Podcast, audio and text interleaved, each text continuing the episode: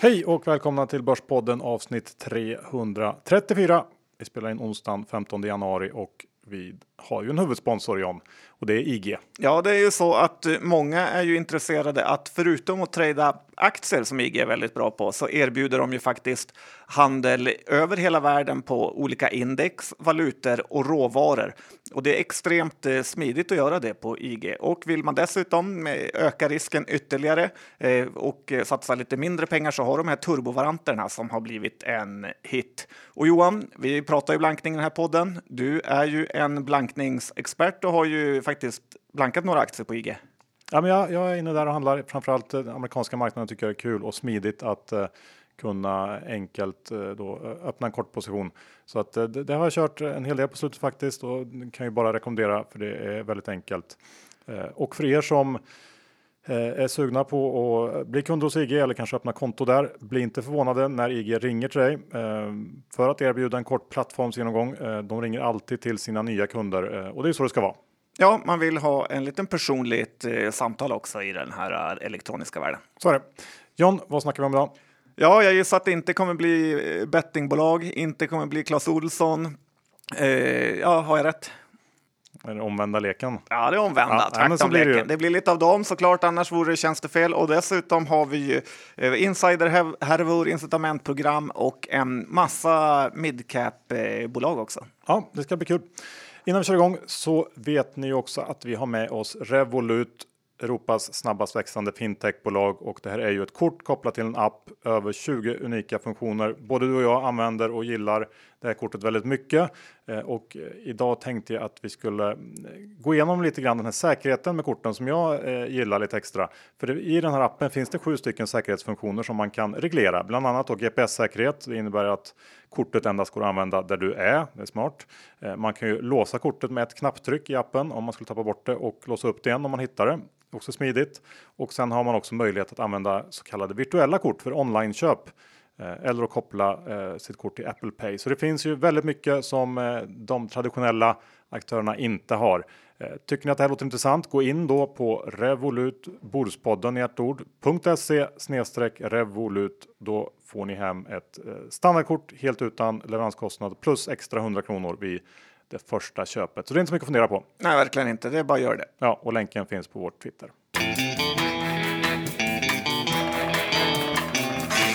Johan Dr. Bass Isaksson, index är 1786 och eh, ytterligare en vecka här vi inte orkar oss över 1800 strecket. Eh, vad säger du? Ja, så vi har kört fast lite runt 1800 och med rapportperioden här bara någon vecka bort så får man väl börja rikta fokus lite grann mot den istället så får bolagen visa vägen här och Eh, lite svårt att säga inför den här rapportperioden tycker jag. Spontant känns det som en till sån här rapportperiod med halv okej rapporter, bland de lite större. Tänker främst verkstad kanske.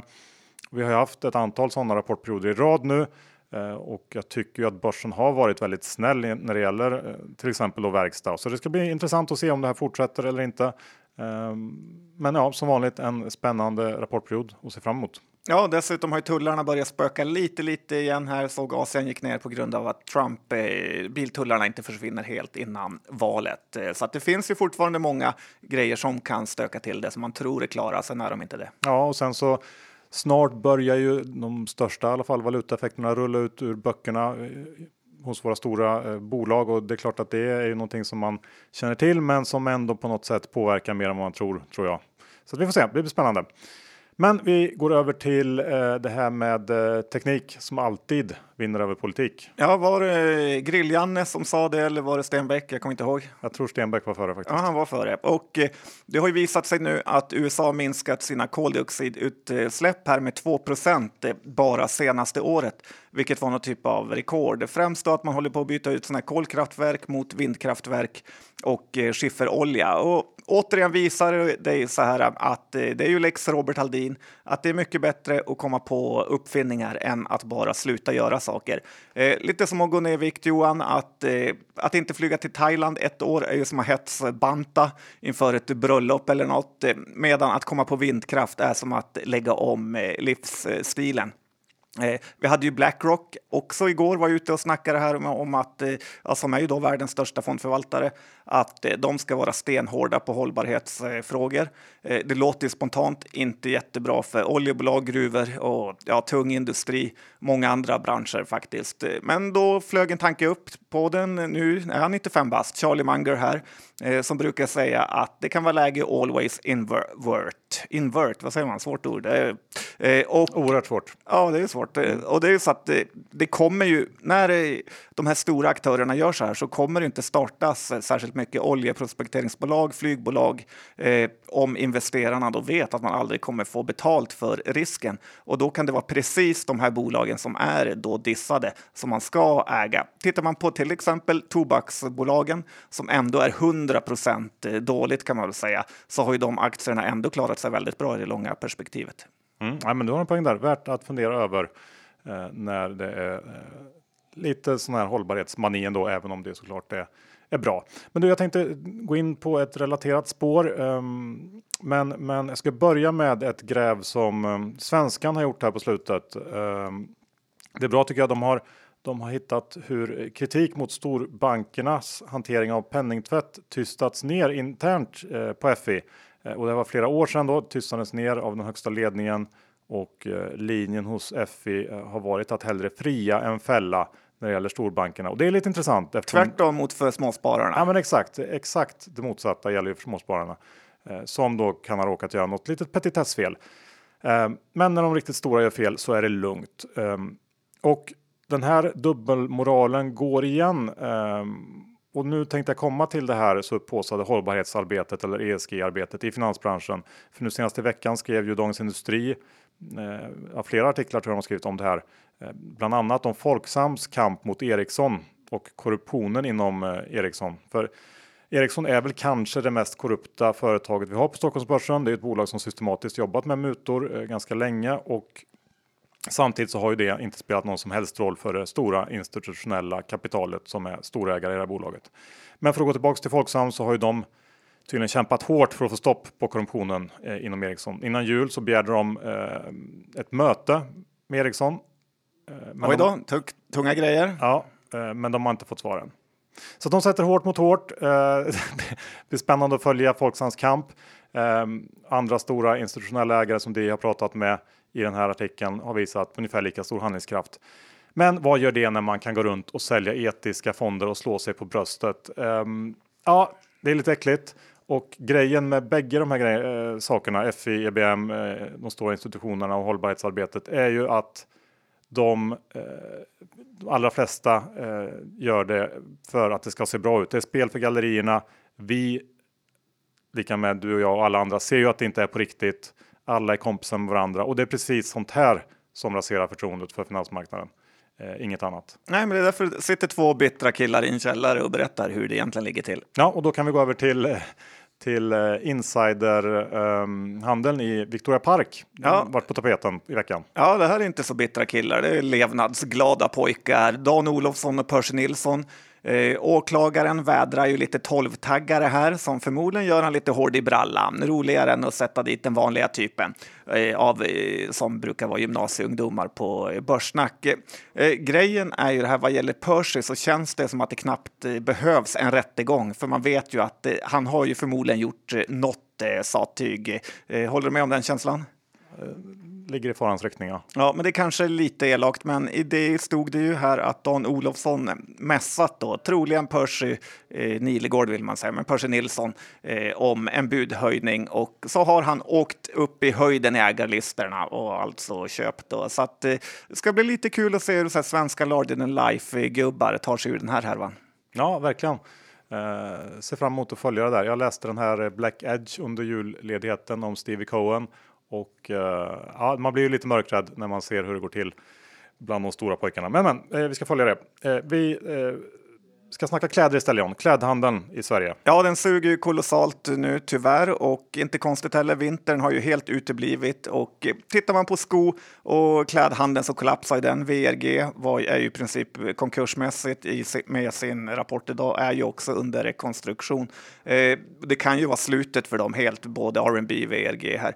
Eh, men en sak ska man komma ihåg när det gäller retail är ju att det är skottår i år och det innebär faktiskt inte en mer arbetsdag i Q1 utan det är lika många dagar som förra året. Däremot är det en extra ledig dag, alltså lördag eller söndag, eh, vilket måste ju vara mumma för handlarna. Eh, det ger ju betydligt mer impact med en extra ledig dag i procent än en extra arbetsdag. Så att eh, ja, det är få lediga dagar. Behöver jag förklara mer för dig Johan? Nej, jag förstår.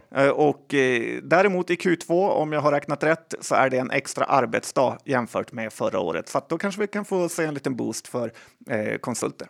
Det är bra, tackar vi för från Börspoddens arbetsdagsansvarige mm. Jonny Skogman. Mm. Eh, vi avslutar första delen med eh, det kära ämnet incitamentsprogram. Ja, och det är ju som man brukar säga, alla regler har ett undantag och Bodenholm Per lärde oss i podden här hur viktigt det är att vara på rätt sida om ett bolags incitamentprogram. Eh, men det gällde tydligen inte i Evolution Gaming. Den aktien står emot Eh, Eh, allt får man ändå säga. Eh, den här kursen har gått helt otroligt och om eh, personalen ska ha någon som helst möjlighet att casha in på sina nyblivna personaloptioner eh, så gäller det att de jobbar arslet av sig får man säga. För den här aktien har ju liksom, de, eh, aktien och bolaget har ju sprutat ur sig bra kursdrivande nyheter under den här perioden då priset på personaloptionerna skulle bestämmas. Och, för det löpte mellan 30 december och vad jag för mig avslutas idag. Så att eh, ja, det ska bli se om det blir några pengar för de kära anställda på Evo. Mm, jag tvekar. Amen. Återigen. Ja. John, jag är ju sugen på att snacka om Kindreds vinstvarning, men jag tänker att du kan få börja istället. Eh, prata om banker. Ja, jag är väl ändå... Vi, bråk, vi bråkade ju lite förra veckan när du trodde att alla ville höra om de danska bankerna. Så att då, du får väl fortsätta med dina banker då, för det är ju så, tydligen så fruktansvärt populärt. Ja, men det är kul. Eh, det ju faktiskt varit en rapportfiesta i USA igår. Citigroup, Wells Fargo, JP Morgan. Eh, förutom Wells Fargo så var det ju väldigt bra rapporter. Eh, Wells Fargo har haft lite interna problem, men det visar ju faktiskt tycker jag hur bra bankverksamheten ändå fungerar. De flesta amerikanska bankerna är ju på så kallade 52 week high och eh, jag tänker på att den här all uppfinning, uppfinning uppfinningshet, rikedom, konkurrens eh, som Silicon Valley kommer med och hotar alla branscher och ska disrupta, som de lite coolt eh, säger, så står sig ändå de amerikanska bankerna rätt bra. Eh, känns lite som att man kanske ska börja bygga sig en liten eh, bankportfölj med eh, svenska, europeiska banker. De är väldigt lågt värderade, många under P10. Det är hög direktavkastning och ja, en affärsmodell som ändå har fungerat sedan Moses Johan. Så att, räkna inte ut bankerna helt. Ja, både ja och nej. Okej, okay, bra råd. Mm. Nej, men jag inte. Ja, visst, du har pengar, men ja, jag tror inte man ska räkna bort eh, uppfinningsrikedomen heller och eh, alla hatar ju banker dessutom. Det ska man inte glömma bort. Ja, men det har man alltid gjort. Ja, kanske. Ja, ja. Bra, tack för det. Vi går över till då Kindred som ju vinstvarnade på måndagskvällen. Eh, Spelöverskottet i Q4 då väntas komma in på ungefär 235 miljoner pund och förväntningarna var på 255. Ebitda kommer att komma in i intervallet 27 till 32 miljoner pund och konsensus här låg på 47 miljoner pund. Alltså en ganska stor miss mot, mot estimaten. Kindred eh, själva förklarar det här med eller skyller på en svag sportsboksmarginal och då framförallt i Frankrike där spelskatten beräknas lite annorlunda. Den har ju fram tills nu dragits på bruttoomsättningen och det gav då en, en dubbelsmäll kan man säga när resultaten i Frankrike verkar ha varit usla eller dåliga för just eh, spelbolagen. Och eh, under konfkålet som jag lyssnade på så sa ju Kärnberg som är vd att eh, ungefär 7-8 miljoner pund av den här missen eh, på nej, 15 miljoner då, kan härledas till just Frankrike. Eh, sen så belastar USA-satsningen kvartalet med 6 miljoner pund och det eh, var nog också betydligt mer än vad, vad analytikerna och marknaden hade räknat med och eh, dessutom så är den holländska marknaden svag nu inför regleringen eh, och det är väl ungefär de här tre faktorerna som jag kan liksom hitta till missen. Och som um, stod i pressmeddelandet. Exakt. ja, jo. Uh, men det här med svag, svag sportboksmarginal har ju liksom tisslats och tasslats lite om under under någon månad här nu, men tittar man på den så var den ju faktiskt inte så svag ändå. Den landar på 8,1 och det är ju en helt normal marginal för sportspel. Eh, även om de då såklart var svagare än förra årets ovanligt starka eh, siffror som låg på 9,4 procent. Eh, och så har man ju då också Frankrike som nästan är någon slags one-off i de här siffrorna. Eh, Jag ska tillägga också att, att skatte, eh, sättet man räknar ut skatt på i Frankrike ändrats från, från 1 januari så det kommer inte bli samma, eh, samma situation igen. Ehm, och Kambi gick också ut igår med att eh, och sa att man definitivt ligger inom sitt guidade marginalspann och att de inte ser någon som helst anledning till att vinstvarna. Eh, samma sak med William Hill som kom med en omvänd vinstvarning dagarna före här, eh, Kindred, efter en stark sportspelsavslutning på året och det förstärker ju bilden av att det inte alls har varit något ovanligt dåligt kvartal för sportspel. Um, Man ska ju säga att William Hill inte ens gick upp på den omvända vinstvarningen, typ 0,5 procent. Ja, det är möjligt. Men oavsett, de uh, har ändå haft en, en helt okej okay sportbok under kvartalet. Eh, men eh, sen ska man komma ihåg att, att Kambi sköter inte sportboken åt Kindred heller i just Frankrike, så de drabbas inte av de här problemen. Eh, men det gör ändå tycker jag att det är lite svårt att köpa förklaringen som Kindreds ledning försöker sälja. att de trycker så hårt på den här marginalen. Visst, det var sämre förra året som var exceptionellt bra, men det är ändå inte någonting ovanligt dåligt. så min egna tolkning är nog att det här är mer ett ja, delvis bolags men kanske framförallt marknadsspecifikt eh, problem. Och det räcker ju egentligen att ta en titt på vilka marknader som Kindred eh, är riktigt stora på och eh, det är ju då nummer ett är ju Frankrike med nästan 20% av omsättningen och nummer två Holland med eh, ja, strax därefter 17 eller något sånt. Och Kindred är faktiskt enda noterade spelbolaget i Sverige med någon exponering överhuvudtaget mot Frankrike och är också det spelbolag med absolut störst exponering mot Holland. Så att jag tror att det blir allt viktigare när man tittar på spelbolagen att hålla koll lite på vilka marknader är de exponerade mot eh, och vad händer där. Och, och, Holland är ju en marknad som antagligen kommer att bli ännu värre eh, nästa år. Nu såg jag att det sköts fram lite grann i tiden den här regleringen. ska nu ske någonstans mitten av 2021, men då blir det ju även skatt på, på intäkterna där och eh, ja, möjligt att det blir ännu tuffare. Eh, och sen så kan man ändå ehm, lägga på den här USA-satsningen som ja, den kostar väldigt mycket pengar. Det är svårt att riktigt hoppas på att de ska lyckas där tycker jag. Jag har svårt att se att de ska bli ett jättebrand i USA. Man vet ju aldrig. Det är möjligt att jag har fel där och det skulle kunna vara en riktig trigger för den här aktien. Men eh, det kommer ju ändå inte bära någon jättefrukt i närtid. Eh, så att jag tror att det kommer ta eh, lite tid eh, ändå innan Kindred har jobbat sig ur den här, den här jobbiga sitsen som man sitter i. Ja, det var ju eh, deras eh, Konf-call var ju inte särskilt positivt, kändes ju väldigt eh, eh, deprimerande. Jag fick eh, lite känslan av att eh, Kärnberg är som Trump säger low energy guy. Det har tagit hårt på det här. Eh, och dessutom så hade de inte svar på många av analytikernas eh, frågor. Eh, kändes inte helt förberett. Analytiker var nästan lite arga på honom. De har ju betydligt högre riktkurser än vad aktien står i, så det känns som att de har blivit lite. Eh, de har gått på snacket mer än vad aktien har kunnat eh, leverera här. Ja, jag kan tänka mig att de var besvikna, framförallt kanske guidningen när det gällde kostnaderna i USA. Det borde de kanske varit lite tydligare med. Nu kom de in på kostar 6 miljoner pund i kvartalet upp från 1,8 8 i Q3. Det är en ganska rejäl ökning och det tror jag de flesta blir tagna på sängen kring kring. Eh, det kan säkert varit en sån punkt där man borde kunnat varit mer lite tydligare helt enkelt. Men det fanns ju ändå lite andra intressanta datapunkter att ta med sig från det här. Men får jag bara säga en sak till om Tjärnberg? Ja. Att jag gillar ju ändå också lite att han var low energy, att han hade tagit det här hårt. Man gillar ju inte de här Kai Wern-typerna på Husqvarna som typ är gl lika glad när de har vinstvarnat som inte. Det ska ju kännas när det går dåligt och eh, ja, då bryr man sig. Så att eh, ändå, det får man ändå ge. Nej, men så är det väl. Och på något sätt så tror man ju länge innerst inne att Kindred kommer tillbaks till slut. Men det känns som att det är en lång väg att vandra. Eh, det är inte så klart att man ska behöva köpa den här nu. Jag tror att det finns andra mer intressanta val i sektorn. Och det, jag tänkte komma till det, för de sa ju också att Sverige har förbättrats betydligt jämfört med tidigare kvartal. Eh, vilket ju ändå var ganska starka ord i den här pressreleasen och eh, intressant för de som har stor exponering mot Sverige. Vi har ju varit inne på det här tidigare också eh, senaste månaden att vi har fått allt fler signaler på att det har vänt i Sverige. Eh, man, de sa också att utvecklingen i UK har varit positiv. Eh, ja, bägge de här marknaderna är eh, viktiga för, för flera av, av de noterade spelbolagen så det är intressant att ha med sig. Ehm, ja, så att jag, jag, tycker ändå att om man ska titta på det ur ett branschperspektiv så tolkar jag nästan det som framkom i Kindreds vinstvarning som positivt för de flesta andra bolag i sektorn. Kanske helt ute och cyklar här. Vi får se när rapporterna kommer in, men jag tror inte man ska bli avskräckt av sektorn för, eh, på grund av den här vinstvarningen helt enkelt. Nej, du var ju en av få som tol tolkade det positivt med tanke på hur de andra aktierna gick. Men visst, eh, börsen gillar ju att dra alla aktier över en eh, kam och man blir mycket flockbeteende så att det ska bli extremt spännande att se de här rapporterna. Ja. ska vi gå över till en blanka dödare och då tänker jag på en amerikansk sån, Tesla. Ja, den har ju spårat får man väl eh, säga. Det går inte att säga något annat. Aktien är upp 50 procent på en månad och eh, har ett börsvärde nu på nästan 100 miljarder eh, dollar. Det här är enorma summor för ett bolag som säljer ganska få bilar ändå.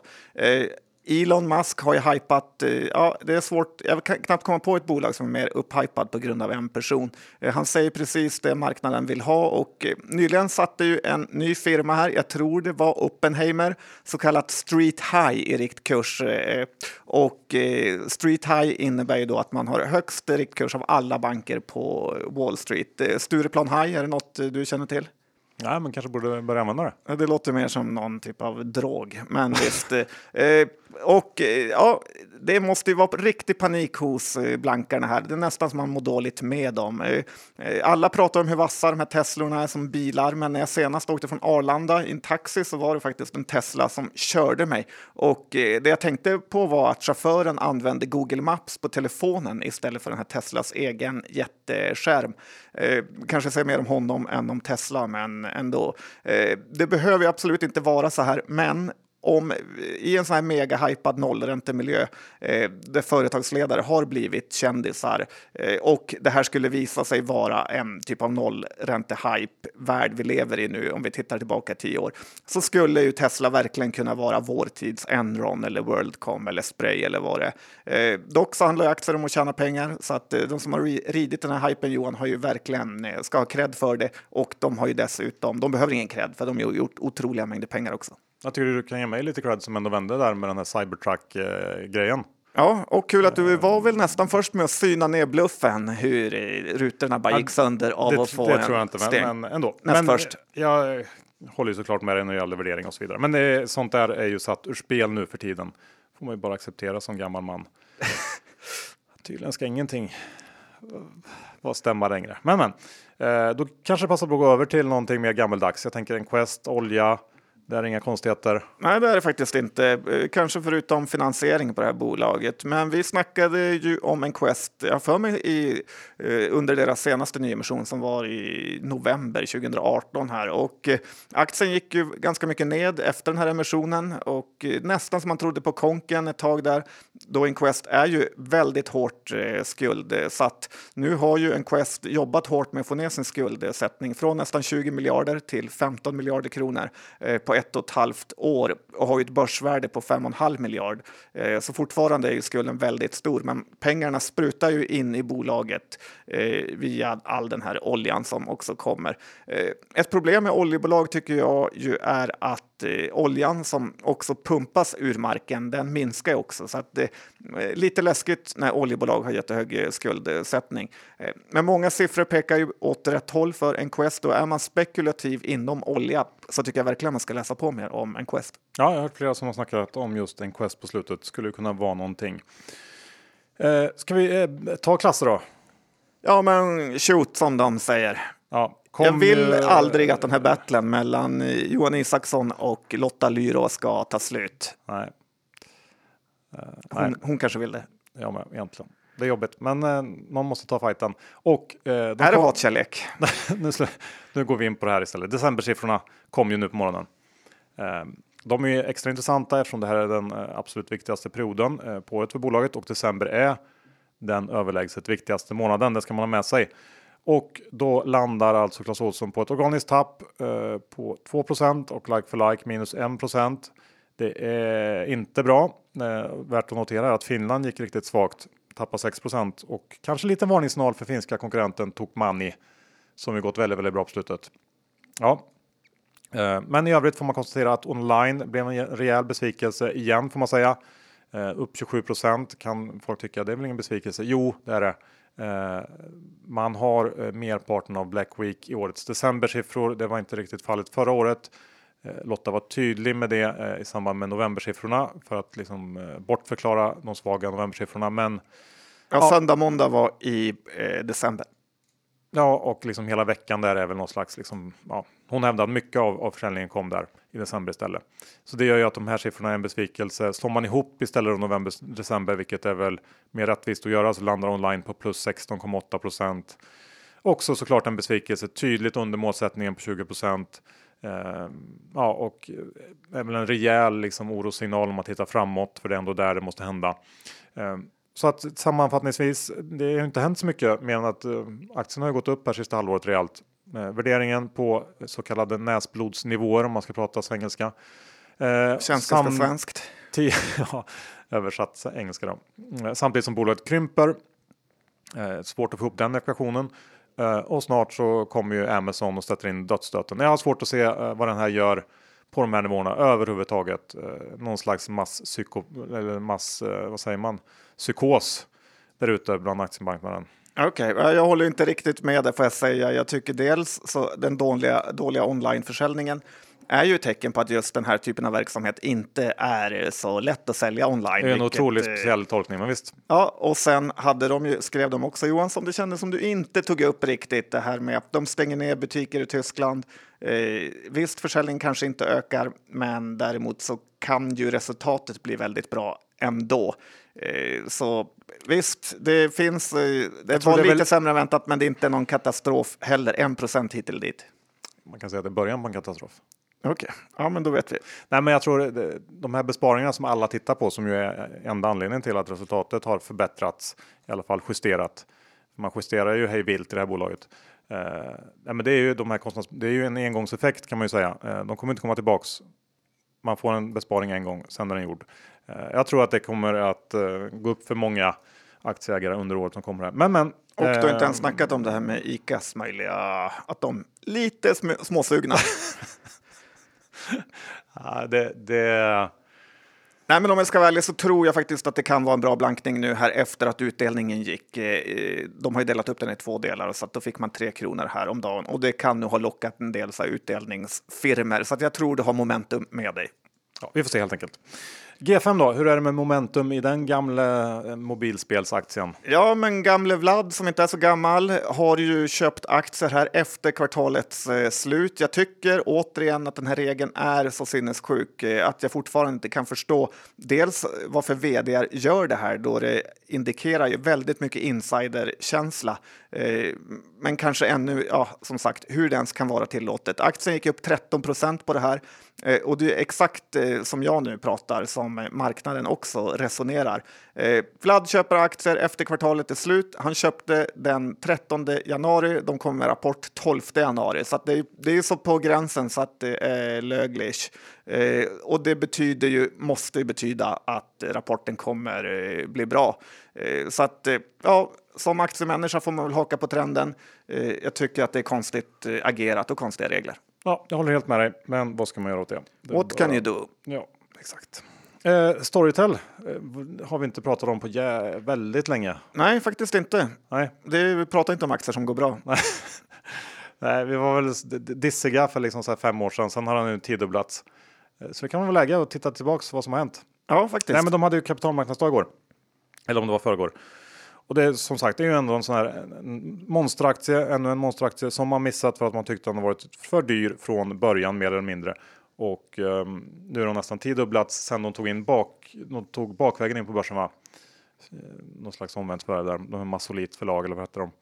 Eh, 2015 var det i alla fall och det är ju bara att konstatera att börsen de senaste åren inte belönat fega pojkar som en själv utan man eh, måste satsa lite i den här typen av bolag. Och eh, Storytel har ju också gjort det väldigt bra, betydligt bättre än vad man kanske hade kunnat tänka sig då.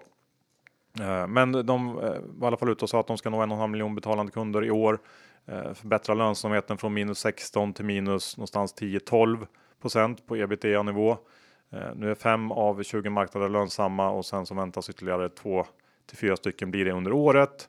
Börsvärdet nu, vad tror du det är? Har du koll? Jag vet inte, 10 miljarder. Ja, bra gissning. 9,2 igår när jag kollade. Jag har ju feeling. Det har du. Eh, och för det får man då eh, den här tjänsten, streamingtjänsten som eh, ska omsätta runt 2 miljarder i år. Är det dyrt eller billigt John? Nej, men det känns otroligt dyrt. Jag tycker också att det är underbetyg till Spotify och liknande. Jag tycker också att det känns som att jag förstår inte skalbarheten i det här med ljudböcker då man måste översätta varje bok till varje språk. Om du lyssnar på Avicii Ungern eller Sverige är det samma sak, men ska du läsa Läckberg måste du ha inläsare och massa fix och tricks. Så att, ja, jag har aldrig riktigt förstått idén. Jag tror inte det är så himla dyrt ändå med det. Nej, uppenbarligen inte. Jag överskattade den kostnaden. Ah, hur som helst, jag håller med. Det är inte billigt. Det är svårt att hävda. Um, men och det är ju ett, ett bolag som är oerhört svårt att räkna på kan jag tycka. Men folk älskar sånt här just nu och så länge tillväxten fortsätter så antar jag att allt kommer vara frid och fröjd eh, med den här aktien och eh, som du var inne på där Spotify. Ett uppköp av Spotify är väl på något sätt det logiska och mm, ja, lyckliga slutet på den här resan. En anledning till att de inte gjort den är väl, kan det väl vara att de inte orkar hålla på och bygga upp det här själva utan de kanske, vad gör det de om de köper det för en eller två miljarder dollar? Det spelar ingen roll. Nej, och det, men det som är konstigt är att det finns ju otroligt många eh, konkurrenter, Bookbeat och allt vad de heter, Nextory, eh, att det ska vara Storytel som är det heter. Det är svårt att fatta, men återigen, cred till de som vågar betta på det och har tjänat pengar. Winner takes it all. Så är det. Det är så. Oh. Lite som i poddar. Uff. Ja. Nej, men du, um, ska vi ta uh, husvagnar, Kabe? Ja, vill du ta dem? Eh, hinner vi med det som de säger innan programtiden är slut? Eh, och eh, hus, bil och husvagnssiffrorna eh, från november har blivit eh, släppta och eh, de var faktiskt inte alls eh, så illa som man kunde tro eh, när man ser på Kabes aktiekurs och men kanske framför allt hör om den här brutala skattehöjningen som media hela tiden pratar om eh, för tyngre bilar.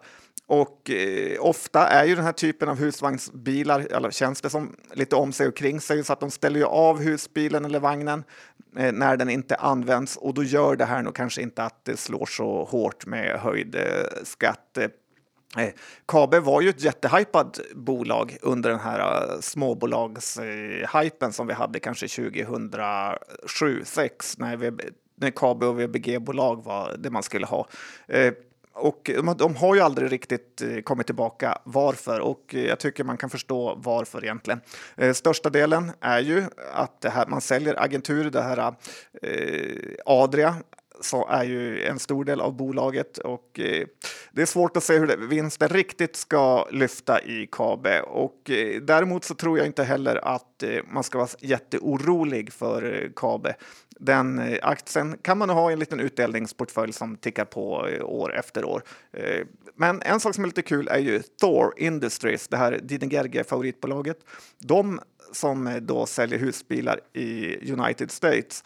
Deras aktiekurs har ju nästan dubblerats här på bara några månader. Gått från 45 dollar till närmare 80 dollar här. Så att ja, kanske finansmarknaderna hänger ihop bättre än man tror och det är dags för en liten körare i KB också. Men ja, kul ja. med Thor och kul för grabbarna på Didner som haft det lite motigt. Ja, verkligen. Det undrar vi dem. Um, Svedberg som Ja, men här var ju faktiskt, eh, här kan vi prata bortglömt eh, bolag, så lite kul att Börsveckan tog upp eh, Svedbergs och jag hade ett gäng här aktier som jag kunde kränga iväg lite dyrare. Så, men egentligen så tror jag ju på Svedbergs Eh, Eh, förutom att det just är Sveriges eh, sämsta storägare i Stena eh, så tycker jag ändå bolaget har något. Eh, bygg har ju gått väldigt bra på slutet. Eh, Bonava, alla byggbolag, till och med Serneke har gått upp en bit. Svedbergs har ju lite lokal förankring, långa kundrelationer och det är fortfarande låga räntor folk renoverar och så vidare. Så att Svedberg är ju ett household varumärke så att jag tror nog att det här kan vara en intressant aktie. P12 14 Eh, kanske lite mer skuldsatt än man hade velat, eh, men de har en del tillgångar också. Så att, eh, ja, det ska bli kul att se rapporten här för Svedbergs om de får ta del av byggboomen. Kanske, ja. Samtidigt tycker jag att man ser att det poppar upp lite mer konkurrenter. Att de, jag, vet inte, jag tycker att tjänstemarknaden har blivit lite tuffare de sista åren. För några år sedan så fanns det inte så mycket att välja på. Nu finns det lite mer. Jag vet inte, jag är lite mer tveksam, men vi får se. Eh, jag tänker istället gå in på en positiv nyhet i toapappersvärlden. Eh, du är stor, stor konsument. Ja, eh, visst. Eller säga. duschar du? Nej, vi släpper det. Men toapappersvärlden, SCT, deras kinesiska dotterbolag Vinda, eller ja, de äger 52 procent tror jag där, kom ju med en omvänd vinstvarning i veckan där gynnsamma rå, råmaterialpriser var, var liksom en stor förklaring. Och man ska faktiskt komma ihåg här att Essity hade en enorm motvind för några år sedan när det gällde just råvarukostnader. Det var liksom många, många miljarder eh, per år som det här kostade och då passade man ju på att genomföra enorma kostnadsbesparingar eh, i kombination med prishöjningar. Och nu när den här råvarumotvinden mojnar lite grann så kommer lönsamheten att stiga. Så att jag tycker ändå att eh, Essity är ett litet tråkcase, men det ser ju fortfarande ganska bra ut inför Q1 här och eh, ja, H1 2020. Eh, så att eh, även om aktien har gått väldigt bra så kan den nog komma upp ännu lite mer eh, faktiskt. Så att det ja, ser helt okej ut tycker jag. Ja, jag har ju sagt jättemycket taskiga saker om Magnus Groth, vd på Essity, men kanske får ta, ta tillbaka dem Johan. Han verkar ju leverera ordentligt. Och, ja, jag tycker ändå att jag har försvarat honom i några år än du har attackerat. Jag läste också en Dagens Industri-intervju där någon sa att Magnus Groth var en av de smartaste personerna de hade jobbat med. Så att ja, jag får två tummar upp eh, för, för aktieprestationen i Essity senaste halvåret i alla fall. Yes. Ska vi avsluta med eh, SAS? Scandinavian Airlines Systems, eh, Sveriges mest volatila aktie som datorerna fullständigt har eh, satt fingrarna i, har ju kommit med passagerarstatistik här och jag tyckte den verkar väldigt bra. Aktien fick ju spunk som man sa på gamla goda eh, och gick ju upp med 11 procent den dagen eh, för att nästa dag gå ner med 6 procent. Det är ju bra tradingaktie om man gör rätt, inte så rolig om man gör fel. Eh, jag har faktiskt svårt att förstå varför börsen hatar SAS. Igår i USA så gick alla flygbolag upp eh, ganska mycket. Delta är ju en liten favorit jag har där. Eh, den var upp nästan 4 och jag tror faktiskt att eh, SAS skulle tjäna mycket på att införa en liten, liten utdelning på eh, stamaktien här så man fick känslan av att krisåren är över. Eh, Finnair och Lufthansa kör ju med utdelning och jag tycker man ändå kan kräva att SAS eh, ska vara där också. Eh, Finnair är faktiskt eh, större än SAS nu med, till börsvärde räknat och det kan man inte tro. En skam. Ja. Slut på avsnitt 334. Vi tackar vår huvudsponsor IG. Det gör vi. Ni vet att man kan blanka nästan alla jordens bolag där och dessutom kan man handla råvaror, index och valutor. Ja, så är det. Och missa inte erbjudandet från Revolut, Europas snabbaste, snabbast växande fintechbolag. Eh, gå in på Revolut Bordspodden i ett ord.se snedstreck Revolut för att då få hem ett sånt här standardkort helt gratis och då också få 100 extra kronor vid det första köpet. Eh, en no-brainer att ta den gratis lunchen. Ja, det är inte ofta man får gratis pengar. Nej, och den här länken finns på vår Twitter. John, hur ser det ut med innehav idag? Jag är kort Clas Olsson som vanligt, inga konstigheter. Uh, I övrigt bland bolagen vi pratar om tror jag inte att det är någonting. Hur ser det ut med dig? Jag har lite, lite bank, eh, knappt eh, värt att ta upp de enskilda, men eh, ja, det var väl allt. Inte ens en Clas Olsson kortning tyvärr. Härligt. Tackar vi för oss. Hörs om en vecka. Det gör vi. Hej då!